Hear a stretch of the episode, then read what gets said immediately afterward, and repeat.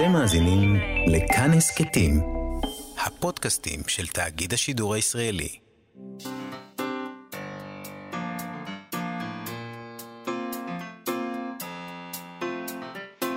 מה שכרוך עם יובל אביבי ומה יעשה לה.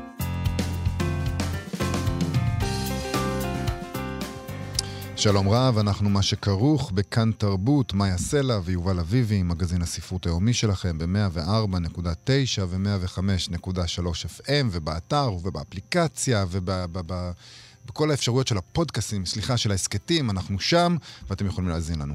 איתנו באולפן מפיקת התוכנית תמר בנימין, ועל הביצוע הטכני יובל יסוד. שלום לכם, שלום מאיה. שלום לך, יובל.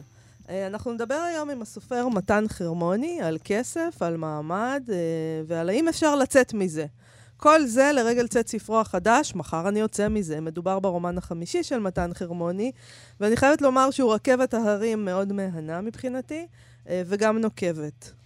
נדבר איתו גם על יחסי האהבה-שנאה שלו עם יוסף חיים ברנר, שגם עליו נדבר עוד מעט בהרחבה. הספר של מתן חרמוני, אני אגיד עליו משהו שאני לא יודעת אם הוא יאהב, שאומרים, אבל אין מה לעשות. אני אומרת את זה. הוא מאוד סקסי. כן. ספר מאוד סקסי. אני, זה לא אומרים את זה? לא, אבל אולי זה כזה לא מכובד, אנחנו נשאל אותו. אולי זה מה, לא מכובד, שהוא... אולי נגיד אתה אומר 아, על... אה, זה על... ספר לא מכובד. הוא לא מכובד. זה ספר לא מכובד. גם הספר הקודם שלו לא היה מכובד. נכון. למעשה, אה, אני חושב שמתן חרמוני ברומנים האחרונים שלו אומר, אני מעוניין לא להיות מכובד. בדיוק. אז אנחנו נבדוק אם זה נכון. נדבר איתו על כבוד ומכובדות. אם זה נכון, כל מה שאנחנו משערים פה. נדבר גם עם הסופרת והבימאית שירה גפן על ספר חדש שהיא ערכה, הופכות את היוצרות. ספר שבו יש עדויות של 20 נשים שורדות זנות לצד עבודות אומנות שנוצרו בהשראת הסיפורים האלה. נדבר איתה על המפגשים שלה עם הנשים הללו, אה, שערכו, אני חושבת, אה, שנתיים, כן. לפי ההקדמה. אה, אני לא יודע איך היא עשתה את זה, זה כן, מזעזע. כן, סיפורים מאוד מאוד קשים. זה פשוט מזעזע. אוקיי, כל זה נגיע בהמשך. אנחנו חוזרים לברנר עכשיו. השבוע ציינו את השנה המאה למותו של יוסף חיים ברנר, שנרצח במאי 1921, בפרעות תרפ"א, סליחה. כן. התרגשתי. האמת, כל מה שאני קורא את, אה, את הדברים האלה, זה... אני מאוד אוהב את ברנר. לא, זה... אתה קורא את הדבר הזה, שאנחנו כבר יודעים אותו בעצם, אה, את הרצח הזה בבית האדום וכל הסיפור הזה. כן, אה, זה מטלטל. ואתה לא אומר לעצמך כל הזמן, אוי, לא, לא, רגע, אל תצאו. כאילו, אתה, אתה מנסה לעצור את זה. זה גם, את יודעת, איך זה... לא עושים סרטים על, הד... על הדברים האלה, כאילו? איך, איך זה שהקולנוע הישראלי לא מתעסק בזה? קראתי בזה ב... בשבוע הזה, גם היו הרבה כתבות על זה, וגם אה, כתבו על זה לא מעט ברשתות החברתיות, על ברנר, והדבר המרכזי שכוננו עליו זה שהוא לא מעניין אף אחד בעצם. הוא מעניין, אה, את יודעת, לא, לא יודע, אנחנו מתייחסים אליו בתור הדמות המיתולוגית של הסופר העברי. ככה, זה המודל. זה, לפי זה בנו. נכון. כל מיני דברים השתנו מאז, אבל לפי המודל הזה בנו את הסופר העברי. ואף אחד לא קורא ברנר. ו- וזהו, וזה כנראה שאנחנו מתייחסים אליו ככה, ובמקומות אחרים פחות מתייחסים אליו ככה. זה אולי ספר, סרט כזה לא היה מצליח כל כך. Mm. אבל אתה אומר לעצמך איזה אבדה, כי הוא היה צעיר, הוא היה יכול עוד לכתוב כמה דברים. היה יכול לכתוב עוד כמה דברים. נגיד עליו כמה מילים. יוסף חיים ברנר נולד ברוסיה ב-1881, והוא למד בישיבה. אבל הוא תמיד נמשך לכתיבה ולקריאה בספרים החיצוניים, וזה עלה לו ביוקר, הוא סולק מהישיבה בעקבות הדבר הזה, אולי בזכות הסילוק מהישיבה הראשונה העביר אותו לישיבה אה, מאוחר יותר, שניהל אביו של הסופר אורי ניסן גנסין, שהפך לחברו הקרוב ולשותפו באהבת הספרות העברית. הם הזינו זה את זה והמשיכו לקרוא שם תיאורים שלהם במכתבים, איך הם קראו בישיבה את, הס, את הספרים, את הספרות העברית האסורה. אה, הוא גויס לצבא הרוסי.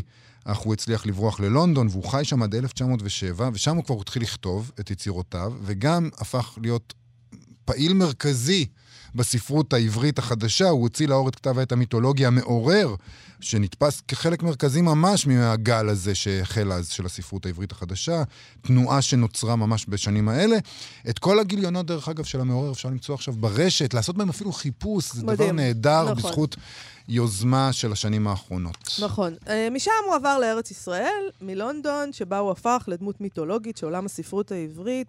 צריך לומר, בעודו בחייו, זה לא... כן. זה לא לאחר מות. הוא היה אדם סגפן שהקדיש את עצמו לכתיבה, אה, ליצירות ספרותיות, אבל לצד זה מאמרים עקרוניים על היישוב, שאגב, הרבה מהאנשים שמדברים, אה, ש- שברנר כן אה, הוא, הוא דמות אצלם, נגיד בתנועות הנוער וכל כל הדברים האלה, אז הם לא מכירים את הספרות שלו, אבל הם מכירים את המאמרים שלו. נכון. אה, כמובן, זכות הצעקה, אה, שהוא הוא לא היסס בהם להעביר ביקורת חריפה מאוד על אנשי היישוב העברי הקטן שלה, אז אבל הוא גם כתב על מה אנחנו צריכים לעשות עם הערבים וכל דברים כאלה.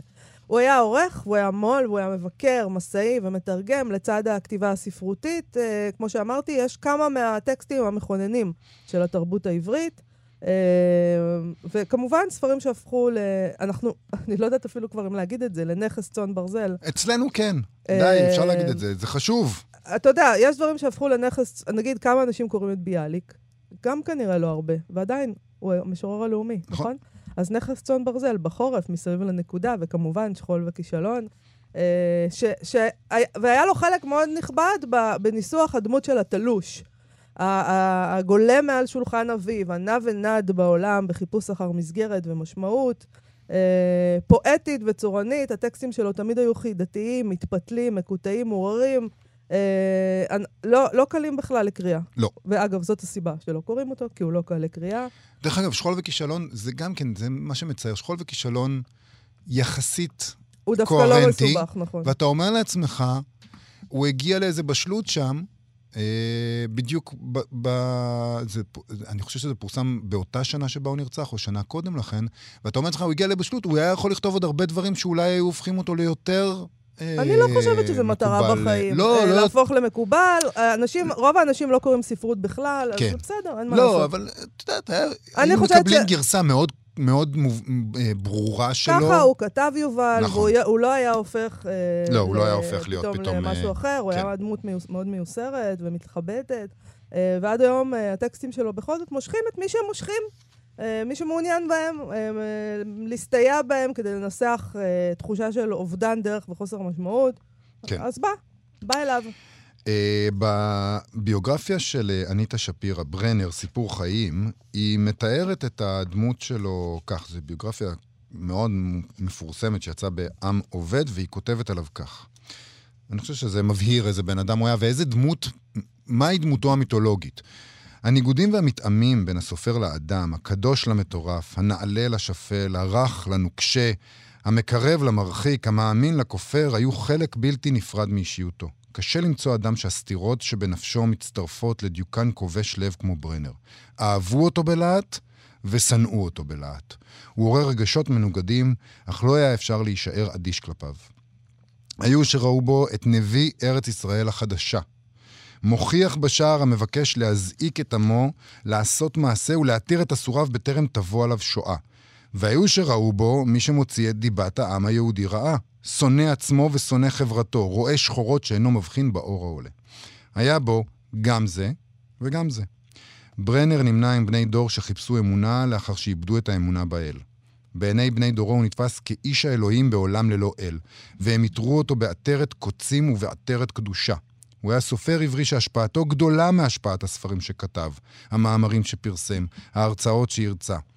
שעה שראה הוא את ייעודו בעולם הספרות והתרבות העברית, ראו בו חבריו את מצפון החברה היהודית המתגבשת בארץ ישראל. את מורה הדרך הרוחני בתהפוכות ההיסטוריה היהודית במאה ה-20. חוליה מקשרת בין העבר היהודי ובין העתיד היהודי, אם יהיה. ויחד עם זאת, הוא סימל את המרד הבלתי פוסק במציאות הקיימת. את התביעה הנוקשה להביט, בלי למצמץ, בתהומות החיים. את החשיפה העצמית חסרת הרחמים. למרות כל אלה, הוא גם מביא נחמה. המסע בעקבות חיי ברנר הוא מסע אל תהומות נפשו של האדם, הסופר, ואולי גם הדור. אז uh, במאי 1921, בתחילת מאי, הוא, uh, כמו שאמרנו, נרצח ברנר בפרעות תרפ"א, מחוץ לבית האדום, שם הוא גר אז, uh, בית יצקר, בשכונת אבו כביר. Um, וגם, על, יש כמובן uh, חילוקי דעות על מה בדיוק קרה שם, uh, אבל הוא נרצח על ידי ערבים, זה אין חילוקי דעות כנראה. כן. אה, וגם על מותו, על, ה- על, על היום הזה, על ההתרחשות הזאת, כותבת אניטה שפירא. נכון, ככה בעצם פחות או יותר מסתיים הספר מטבע הדברים. אה, לקראת סופו אה, היא מתארת אה, את, ה, את ההגעה לבית הזה על ידי אה, אנשי היישוב. הבית היה סגור ונראה נטוש. כשקראו בשמות הדיירים לא נענו. ואז במרחק פחות מ-100 מטר מן הבית, על הדרך נראו גוויות. ברנר וחבריו. ברנר נורה בבטנו וגם נדקר בסכין והוכה בראשו. ידו הימנית הייתה קפוצה לאגרוף. בדוח הרפואי נקבע מיתה על ידי שפך דם פנימית בסיבת יריעה, ירייה במעי. כל האחרים נהרגו במהלומות של עיתים ומקושים. אברהמצ'יק אה, הצעיר הוכה מכות קשות ביותר וגם התעללו בגופתו. כל הגוויות הופשטו ורק כותונת הייתה לבשרם. החיילים סירבו לקחת החללים, את החללים, בטענה שהוטל עליהם לחלץ אנשים חיים. המכוניות פנו לשוב ליפו. בדרך ממרחק כ-30 מטר מחמש הגופות ראו גופה שישית, שראשה היה שחור ממכות וידיה קשורות מאחורי גבה.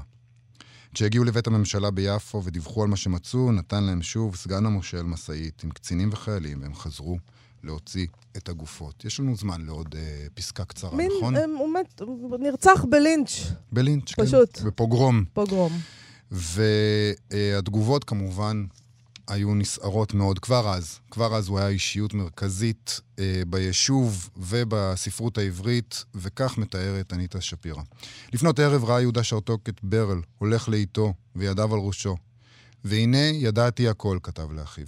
התחלתי בורח מפניו. יראתי. סוף סוף נתקלתי בו פתאום. איננו? איננו, הוא עונה בקול עצור שמת על שפתיו וידיו על ראשו. גאולה אחותו סירבה להתנחם, צעקה ורקעה ברגליה. אני אהבתיו בכל כוחותיי, עד שכיחת עצמי, כתבה כעבור יותר מחצי שנה. באותו רגע שנודע לי שהוא נהרג, הייתי צריכה לעשות איזה דבר. אך אותו לא עשיתי ולא אעשה. ובכן, הסכנ... הסכנתי לחיים. מדברת על התאבדות. והוסיפה, אני הוגה בו בלי הרף ובחוסר כל מובן, בשוכבי ובקומי, בדוברי ובצוחקי, הוא אינו שר ממני. אסון מותו של ברנר עורר אבל גדול בכל תל אביב ובכל ארץ ישראל הג... אשר הגיע שם הידיעה, כתב הארץ למחרת היום. המונים המונים הלכו לקראת הגבייה בהינשאה.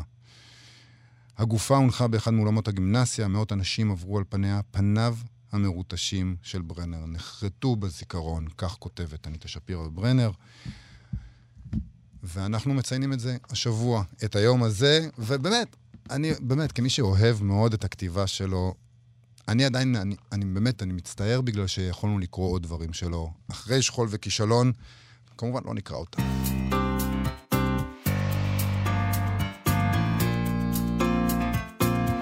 מחר אני יוצא מזה. הוא משפט שאומר הגיבור של בחורף, של ברנר, ירמיה פיירמן, אה, ומסמן בעצם את הכישלון שלו, את, ה- את ההתייאשות שלו. אה, כך בחר מתן חרמוני הסופר לקרוא לספרו החדש, החמישי במספר. אה, מחר אני יוצא מזה, הספר שיצא עכשיו בהוצאת כתר, שלום מתן חרמוני. שלום, שלום. אז קודם כל אני אגיד ששמענו עכשיו את ה-Grateful Dead, וזה שיר שאתה בחרת אותו. נכון. נתתי לך לבחור שיר, שזה unheard of, זה חסר שזה תקדים, בן כמעט אדם. לא קורה, נכון, נכון. אני, אה, ב- כאילו, אני לא יודע מה... היה מצב רוח טוב מאוד אתמול כנראה. בגלל הספר. אה, אוקיי, אז, אז אני לא יודעת אם... נדבר עוד מעט על ה-Grateful Dead ואיך זה קשור אלינו עכשיו, אוקיי. אבל בוא נדבר על, אה, על השם הזה, על מחר אני יוצא מזה. האם, אתה, האם זה, באמת אני קוראת את זה נכון? האם זה שורה כזאת שמבטאת את הכישלון המובנה? מחר, תמיד זה מחר אני יוצא מזה, כלומר אני לא יוצא מזה בחיים. אה, תראי, את- הזכרת את ברנר, אצל ברנר הספר נפתח בכישלון של הגיבור, ירמיה פיירמן אומר, אני הנני מלמד כפרי, אה, בדיוק כמו, ובעצם ידוע שזה כישלון. אה, נדמה לי שבמקום שבו מופיע המשפט הזה, הפרזה הזאת, מופיעה אצלי בספר, אה, אני חושב שזה לא כל כך מוחלט, אבל כבר אני משאיר את זה לקורא. האם זה משפט שמבטא ייאוש, או משפט שבאמת אה, אה, מבטא איזושהי אופציה, אה, איזושהי, אה, איזושהי דרך אחרת, אה, או גם וגם.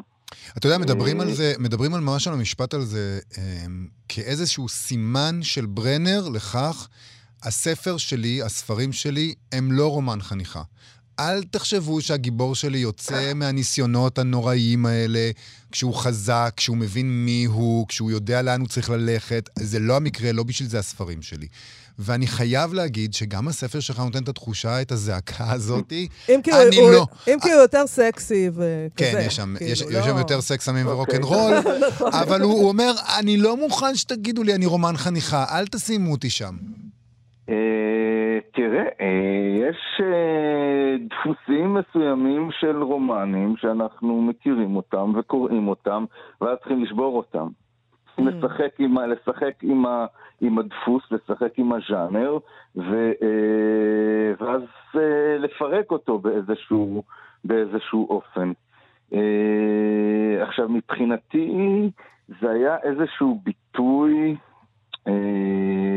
ביטוי לצייטגייסט, למרות שהכותרת או השם של הספר לקוח מ-100 שנה, 104 אם אני לא טועה, לשם הדיוק, כן, הוא כתב את זה ב-1917, אה, הוא כבר התכתב על זה, ואז אה, אני חושב שעדיין, למרות הפער בזמן, זה אה, עדיין אה, תופס איזושהי אה, זה תופס איזושהי תחושה, איזושהי הוויה, כמו שברנר אוהב להגיד, תופס איזושהי הוויה מסוימת של אדם שמתמודד פתאום עם איזושהי מציאות חדשה. אני חושב שאם אנחנו מנסים לראות את הציידגייסט, את, את כל השנה האחרונה, אנחנו נקלעים לאיזושהי מציאות חדשה, אה, שאני חושב שצריך להתחיל לחשוב בה קצת על דברים אה, בצורה אולי קצת אחרת, גם מבחינה מוסרית, פילוסופית וגם מבחינה ספרותית. אה, אני, אני, רוצה, אני, אני רוצה לעבור לספר, אני חושבת שהספר שלך, אם תרשה לי להגיד לך על מה הוא, אה, הוא על מעמד ועל כסף ועל חוסר היכולת שלנו לזוז מהמעמד שאליו נולדנו. בין השאר, יש עוד כמה נושאים. אה, אתה יודע, אם ההורים שלך לא הורישו לך דירה בבאזל, אז אין לך הרבה סיכוי להתקדם. אה, כמו האדם הזה שההורים שלו כן הורישו לו, אה, כי אין לך גב. הגיבור שלך אומר שכסף הוא תכונת אופי. או שנולדת עם זה, או שלא נולדת עם זה. שמה, שמה, זה, זה מבחינתי ה... ואני לא רוצה לעשות ספוילרים, אבל הוא, הוא מצליח מאוד, אבל הוא גם אה, נשאר בקומה שלו בסופו של דבר. אה, נכון, וזה תופס אה, כמה דברים. קודם כל, האם זה על המעמד הזה? כן, אבל אולי זה גם על ההתעלמות מהעניין הזה של הכסף, בטח בכל מה שכרוך, בכל מה ש... כל מה שכרוך, כל מה שקשור ב, אה, בתחומי האינטליגנציה הישראלית, תל אביבית, כאילו, את לא שומעת כמעט את הדיבור. לא מדברים כן על זה, שומעת. נכון. לא נכון. מדברים על זה, ולא...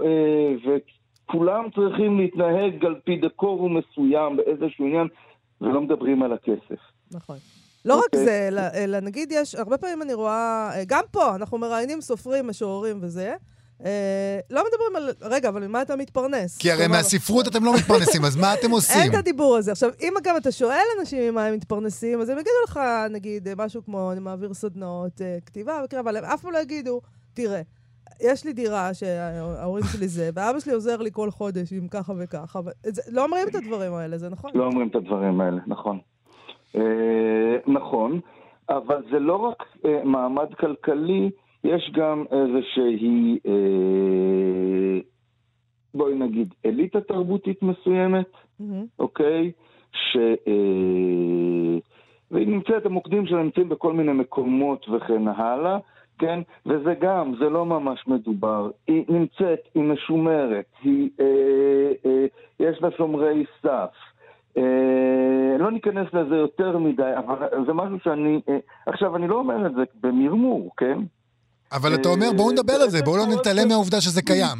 בואו נראה ובואו נראה איך אנשים, בטח אמנים, כן, באיזשהו אופן אני חייב להגיד שהגיבור הוא, גם אם הוא לא... הוא, בואו, נ- איך נגיד, המהלך האינטלקטואלי שהוא עושה, כן, זה קצת מהלך שדומה לסופר, או לסופרים בני הדור שלי. כן. אוקיי? הרבה סמים בשנות ה-20, יחד עם לימודים. עכשיו, זה, זה גם משהו שאגב לא מדובר. סצנת הספרות, כידוע לכם, אני משער, אה, לא בוחלת בסמים. כן, לא מדברים על זה, נכון. גם לא, לא, לא שלא מדברים על זה. גם לא כותבים על זה. על זה לא כותבים. נכון. לא כותבים על זה, זה לא חלק מהזה. ואחר כך ננסה אולי לקשור את זה לברנר, אני יודע, אולי גרוסמן אני מניח שלא מעשן, אבל אני חושב שכל היתר כן, אוקיי? אבל, זה, אבל רוצה הם רוצים. להיות הצופה לבית ישראל, הם לא יכולים לכתוב עכשיו על סמים. בדיוק. עכשיו, העניין של... זה, זה לא רק שזה, רוצים לקחת את ה, איזושהי הנהגה מסוימת, איזושהי מוסריות מסוימת, או, וזה אגב, זה הקלישאה הכי גדולה שקשורה, שאומרים לברנר, תשאלי כמעט כל אה, דוקטורנט שכותב על ברנר, הוא יחזור על העניין הזה, רואה נכוחה. כן. אוקיי? שאיפה, שאיפה של סופר להיות רואה נכוחה. לי זה מציק. אז אני למה, רוצה... רגע, למה זה מציק לך? שנייה. למה זה מציק לי? כי... אה, אה, אה, כי זה בעצם הופך, הופך את הסופרים העבריים מדורות שונים בעצם ואגב, ומברנר, כן, אחר כך נדבר וננסה לדבר על מה הפשר, היחס המורכב של האמביוולנטי לאיש ששם את המם באמביוולנטיות, כן? אה, אה, אז זה בדיוק, זה בדיוק העניין. ברנר מאוד מתייסר, מאוד זה, אבל תמיד זה האדם הטוב שמספר את הסיפור. ואחרי מאה שנה זה לא מעניין. אוקיי? Mm. Okay? אחרי מאה שנה אני רוצה אותי, ככותב, אני מניח, וגם כקורא. אותי, ספציפית, אני מניח שאנשים אחרים, זה מאוד מעניין, אבל זה אה, לראות שוב את הדברים כפי שהם, או בצורה, יש לנו עיתונים בשביל זה, יש לנו פובליציסטיקה בשביל זה, אנחנו צריכים לספרות. אני רוצה אז כן לחזור רגע לספר שלך, וכן לתאר בכמה שורות את מה שהולך שם. אם אני עושה בטח. ספוילר שמעצבן אותך, מיד תקטע אותי, אבל לא, אני אהיה לא, מאוד מאוד כללי. uh, זהו, זה לא בדיוק ספוילרים, אבל כן. בגדול הסיפור שלך הוא סיפור, אה, הסיפור, הספר שלך הוא סיפור של, אה, של הגיבור, שמתחיל... בטיול אחרי הצבא פחות או יותר, הוא מתגלגל קצת לעסקאות סמים מפוקפקות וסוחר בסמים. Um, הוא פוגש שם בחורה, מתאהב בה, חוזר איתה, נעשה סטודנט, חוזר איתה לישראל, נעשה סטודנט, ואז הוא מתחיל לסחור בעבודות סמינריוניות, שהוא עושה כן, אותן מאוד מאוד... אוקיי, כן. ובסופו של דבר הוא ממנף את העבודה הזאת כסוחר בעבודות סמינריוניות באוניברסיטה, ללהיות ספק תוכן. יועץ רוחני. יועץ רוחני. למה אתה אומר ספק תוכן? יועץ רוחני בדמות, בדמות תוכן. ואני רוצה לשאול אותך, דיברת מקודם על סופרים שעושים סמים וכולי וכולי, בעצם המהלך הזה, אתה אומר, אתה אומר, זה המהלך שעושה סופר, הוא, רוכ... הוא, הוא מתחיל בסמים, הוא רוכש את הידע שלו, ואז הוא ממנף את הידע הזה, ובעצם כשהוא סוחר לנו בייעוץ הרוחני שהוא נותן לנו, בעצם כשהוא סוחר בידע ההיסטורי והספרותי ושל כל מדעי הרוח שהוא רכש לעצמו, הוא לא שונה מהסוחר סמים שנתן לנו ג'וינט בתאילנד. הוא עושה את אותו אה, דבר. באיזשהו אופן אה, אה, כן, אוקיי? נגיד שכן. אבל זה לא, זה לא רק זה, באיזה, יותר מזה, הוא... אה, תראה, בוא אני אגיד לך, בוא נספר איך, איך, התחיל, איך התחילה כתיבת הספר הזה. כן. Okay? אוקיי? אה, זה ספר שעבדתי עליו יחסית לא הרבה זמן. מצאתי את עצמי על סף הקורונה, ממש מול שוקת שבורה. שכר דירה, מזונות וכן הלאה, כן, ופתאום שום אפשרות להתפרנס בנוסף לעבודה שלי באוניברסיטה הפתוחה, דבר שהוא מאוד אה, אה, אה, חיוני מבחינתי. כן. אוקיי? עכשיו, ואז פתאום הגעתי לאיזשהו חשבון נפש. זאת אומרת, זה לא בדיוק חשבון נפש, אלא הרגשתי באיזשהו צורה שהגעתי למצב שאם הייתי גר בתקופת המערות, כן, אז זה בדיוק המצב שהגבר עוזר לך לצו, כן, ולוקח את החנית ואת, ה, ואת החץ וקשת ויוצא לצוד כי צריך אוכל. כן. אוקיי? עכשיו אמרתי, אוקיי, אתה כתבת ככה וככה ספרים, אתה דוקטור לספרות, אתה עשית כזה, והנה זה לא עוזר לך שום דבר מול הבנק. Mm-hmm. זאת אומרת, איך אתה יכול אה, עכשיו אה, לממש את כל ההון הסימבולי באופן, אה, והופך עוד להפוך אותו להון לכסף של ממש. אוקיי? איך כן. את לכסף לקיום ה- אה, הראשוני שלך. ולאיזה אה, מסקנה הגעת? שהדרך הכי, אה, הכי אה, פרקטית כרגע, נכון למרץ 2020, הייתה לקבל מקדמה מהסוכן שלי ומההוצאה. תשמע, יש. סופרים אה, שהפכו לא, לגורו... לגורים רוחניים, כן, גם גורו רוחני זה יכול להיות. גם גורו, זו גם הייתה אופציה, כן, אבל, ואני חייב לומר שאתם מכירים את הסכומים, זה לא סכומים שהם נורא גדולים, אבל הסיפוק היה אדיר. כן. של הנה אני כאילו לוקח את, ה, אה, אה, אה, את מה שיש לי, מוציא אותו למכירה ומקבל כסף. לא. הוצאתי את זה למכירה, לא זה, יש לי את ההוצאה שלי, יש לי את ה... זה, אבל היה את המהלך הזה. יש איזה משהו מאוד מאוד משוחרר בספר הזה. אה, אני רואה, לפחות נראה לי, איזה דרך כזאת שעשית מהרומן הראשון שלך, Hebrew Publishing Company, שיצא ב-2011, שזה בעצם, אתה חוגג עשור אה, מאז נכון, הספר הראשון. בינואר, אז כן. אה, נחגוג. אה, אז קודם כל אפשר להגיד על זה שהתחלת לפרסם אה, ספרים בגיל מאוחר יחסית. אבל. נשים את זה על השולחן, אבל יש משהו בספרים אה, שלך בעיניי, שאני רואה איזה, שהוא משתחרר לאט-לאט, אה, שמרשה לעצמו לבעוט בברנר, נגיד, אם נחזור. רגע, אה, לצרוך סמים אוקיי. ולהיות סקסי. להגיד- אמרתי בתחילת אוקיי. התוכנית שה- שהרומן הזה סקסי, ואז אמרתי שאני לא יודעת אם אתה תאהב את ההגדרה לא, הזאת. אני אוהב את זה מאוד, אז- אני מאוד אוהב את זה, אני חושב שזה... תראי, אם את זוכרת, ב, אה, בספר הראשון יש שם מוטו של אה, למד שפירו, שהיה, אגב, הזכרתם את הביוגרפיה שכתבה אניטה שפירא, אה, למד שפירו מוזכר שם בתור חברו הטוב של ברנר בתקופת לונדון, ומי שברנר התאהב באשתו. Mm, אוקיי? עכשיו, הוא לא ממש התאהב, כי הוא לא ממש אהב לאהוב, בין, אה, אה, לא ניכנס לשאלה אם כן היה הומו או לא היה הומו, אה, אבל אה, הוא הצליח לענות גם את למד שפירו, וכנראה גם את הגברת שפירו. אולי זה מה שהוא אהב. לענות? כן. לענות לא, ולהתענות. כן. לגמרי, אני אחר כך אגיד גם משהו על התיאור הזה שיובל, אה, שיובל אה, קרא קודם מתוך הספר של אניטה שפירא. אוקיי. אוקיי, אבל אה, אז אני מב- מביא שם בפתיחת ה- הספר, המוטו הוא קטע, שיר קצר של עמד שפירו שנקרא אל המשורר, והשורה האחרונה היא כתוב על לחם ועל מין. מהמם. שרייבנור פון ברויטן פון גשלכט, אה, אם אני זוכר נכון, ביידיש, תרגמתי את זה מיידיש. עכשיו, אה, במובן מסוים, וזה העניין עם ברנר, אני חושב, ברנר פחד ממין בספרות. הרבה דברים, אוקיי, הרבה דברים, ברנר לא כתב בכלל על מין, הוא סלד מזה, ו, אה, אה, והוא ממש יצא, אה, יצא על אנשים שכן העיזו. דוגמה אולי הכי מפורסמת מ-1918, לא הכי מפורסמת, האמת שהיא לא כל כך מפורסמת בכלל, כאילו, אה, אבל דוגמה מאוד טובה, זה ב-1918 יוצא בארצות הברית רומן של אופטושו, אופטושו שנקרא מורים בעברית. ביידיש הוא נקרא היברו, כן? אז אתם יכולים מהמם. לתאר לעצמכם שבטח הוא הגיע אל ידיי, כן, גם בעברית וגם ביידיש, אבל יותר מעניין זה היה התגובה של ברנר. אלה לא מורים, אלה חזירים, כל הישיבות בבתי הקפה, כל הזה, כל הזה.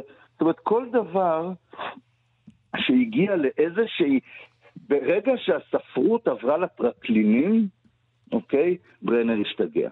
כן, הוא היה נזיר, הוא לא, הוא לא ראה את הדברים האלה. אני, אני חושב ש... עכשיו, אז אני רוצה להגיד, אבל יובל, אם, אם נזכיר את ה... מי שפתח בפני אניטה שפירא, כמו שהיא כותבת את ה... את ה... בפתח דבר שלה, בביוגרפיה, מי שפתח את עיניה ובעצם הגדיר לה את הקונפליקט הזה בנפשו של ברנר, היה, ואמר שהוא בעצם היה השוטה הקדוש, על פי הספרות, ה... אה, על פי הספרות הרוסית. מי שאמר אמר לה את זה, לחש את זה על אוזנה, היה כמובן עמוס עוז. Mm. אוקיי, הוא ראה בברנר את דמות השוטה הקדוש, והוא הנחיל את זה. זאת אומרת, הפוזה שברנר הנחיל, וברנר היה אלוף הפוזה, עמוס עוז העביר לאניטה שפירא, שכתבה את זה בביוגרפיה ואני כמובן לא יודע מתי. אני אגב ב-2008, אם אני לא טועה, כתבתי איזשהו מאמר שיצאתי קצת נגד התפיסה של אניטה שפירו בביוגרפיה, וכבר אז ידעתי להסתבך עם פרופסורים. ועם עמוס עוז. יש סיכוי סביר, אגב, שגם עם הספר הזה אתה הסתבכת עם אה, כמה כן. פרופסורים, חלקם כן. חיים, חלקם מתים, אבל- אבל יש שם כמה הסתבכויות עם פרופסורים אה, כן. אמיתיים. מחר אני יוצא מזה. אה, זה מה שאני אומר לעצמי כל בוקר, וזה השם של הספר שלך, שיצא עכשיו, מתן חרמוני. אה, תודה רבה לך. ותודה רבה, מתן חרמוני. תודה לכם. להתראות. ביי ביי.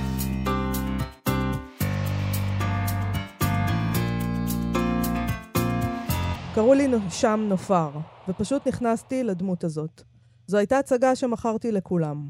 נופר הייתה אחת כזאת שלא רואה, לא אכפת לה מאף אחד. למדתי מהטובות בתחום. ישבתי וראיתי מי באמת שולטת ואיך עושים את ההצגה, וזה מה שעשיתי. ניתקתי, עם הרבה סמים.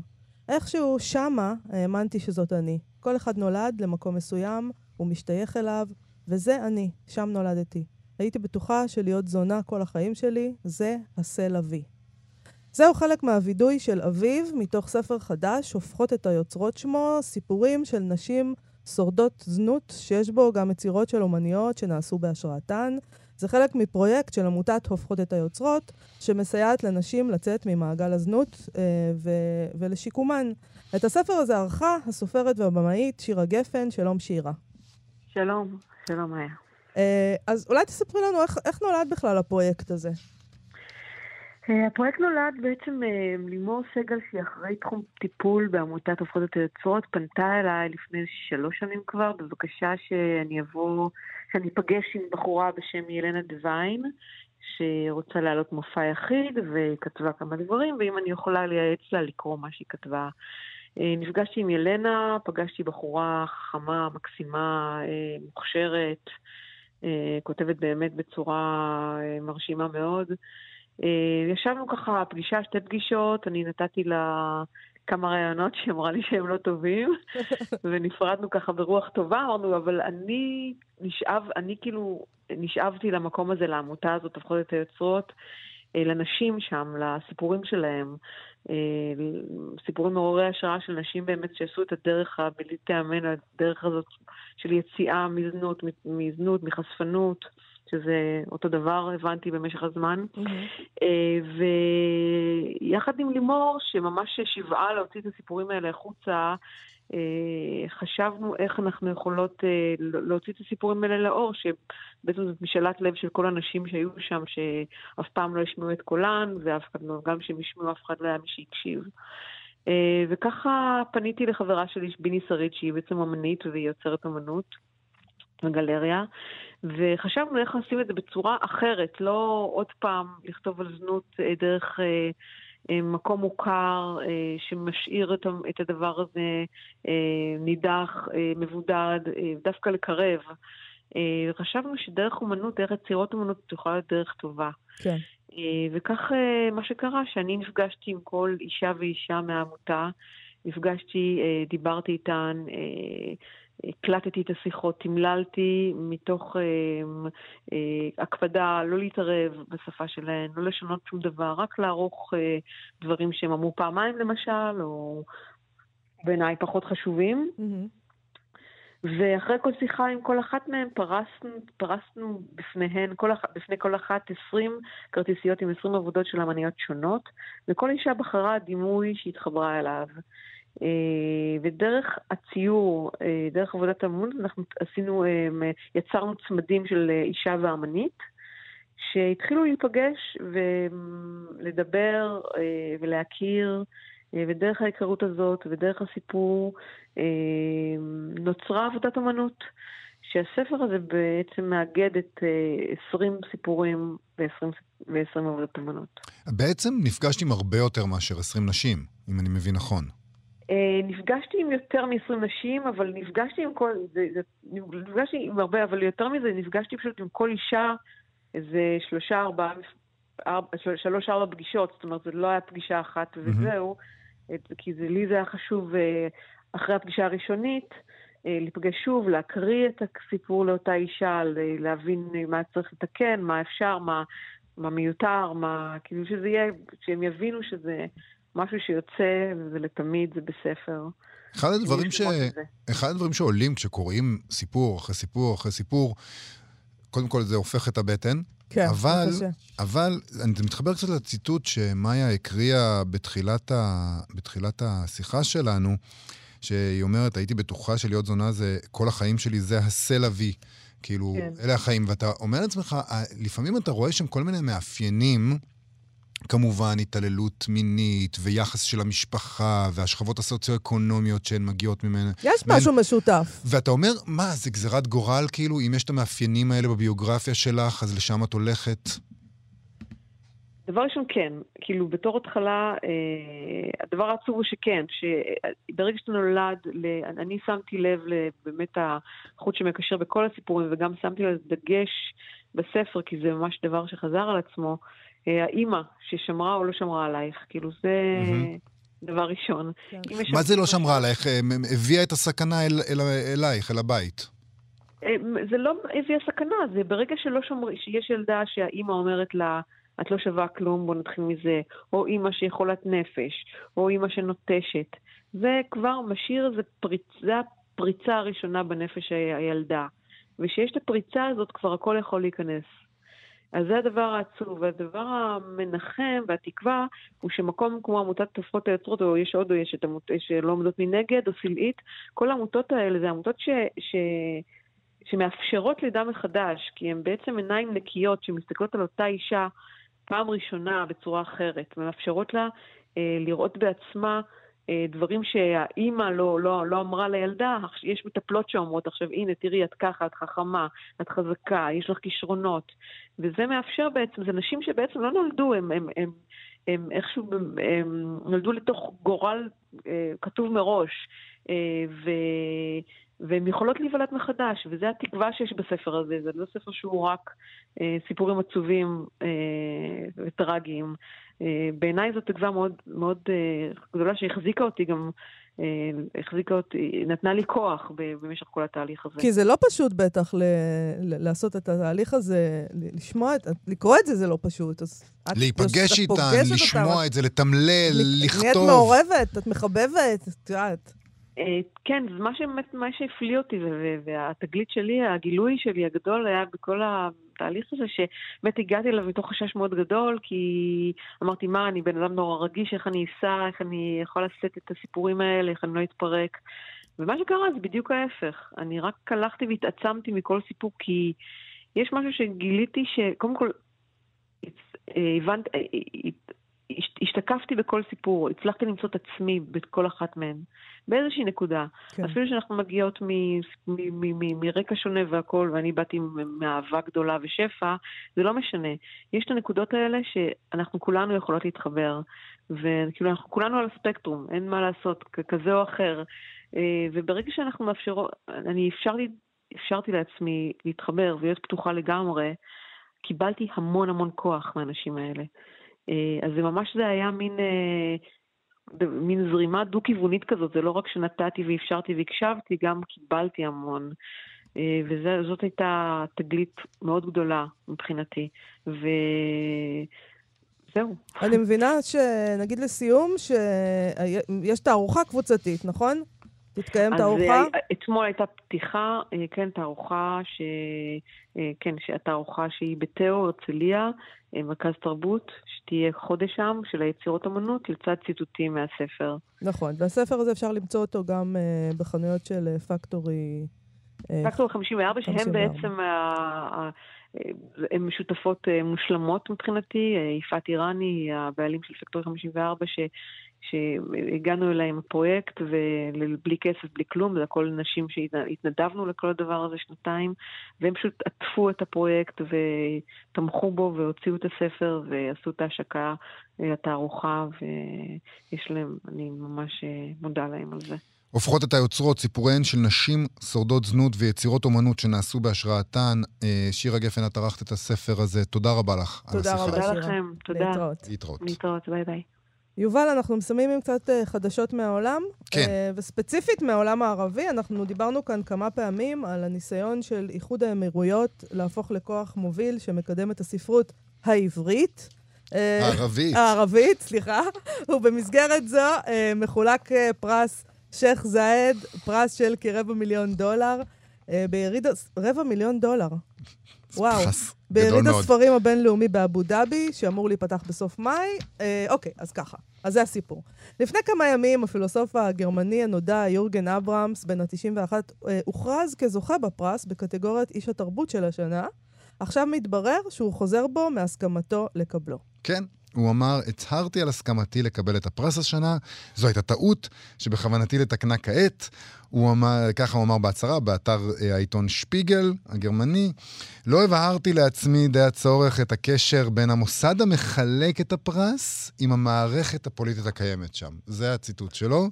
בעצם הוא רומז בדבריו למצב זכויות האדם המדורדר. הם, הם לא יכולים האמירויות. להמשיך לתת uh, פרסים לפילוסופים. Uh, ש...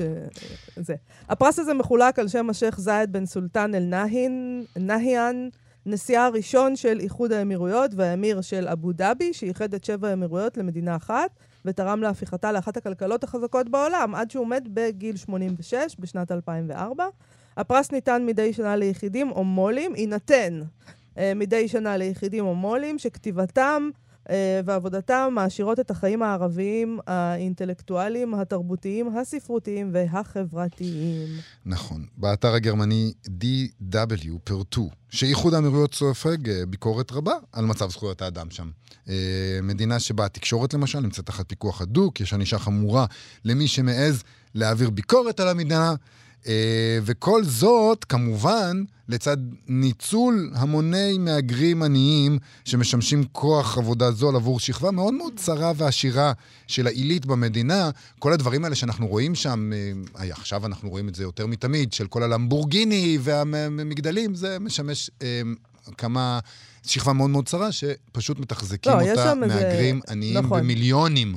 נכון. אז אה, אה, הרוב האנשים שחיים שם הם העובדים הזרים. הם העובדים הזרים העניים. שמתחזקים את כל הדבר הזה, והטענה היא שאין להם שם אה, שום זכויות, ו...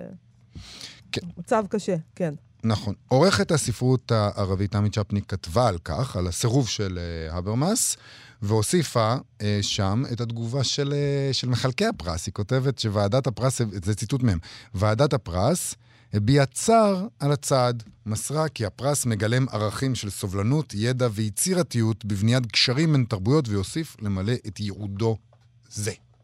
טוב, תשמע, אני, אני לא יודעת, אני, כאילו, אני חושבת שהם היו צריכים אה, לתת אותו לאיזה סופר עני, שלא יכול להרשות לעצמו לסרב, ואז יכול להיות שזה היה יכול לקרות, כל אני, הדבר הזה. אני שמח uh, לשמוע שמצבו של uh, אברמאס מאפשר לו להגיד uh, uh, לא לרבע מיליון uh, דולר. זאת אומרת, מצ... אפשר לא, לעשות הרבה כסף תראה, מפילוסופיה. מיל... לא, לא, לא, לא. זה לא אומר שיש לו רבע מיליון דולר שזה קטן עליו. הוא באוניברסיטה, הוא, אתה יודע, יש לך הוא... פנסיה. הוא... הכל בסדר, כאילו, הוא לא חייב עכשיו אה, אה, ל- ל- ללכת למצב שבו הוא עושה דבר כזה שהוא יצטרך להסביר אחרי זה, ל...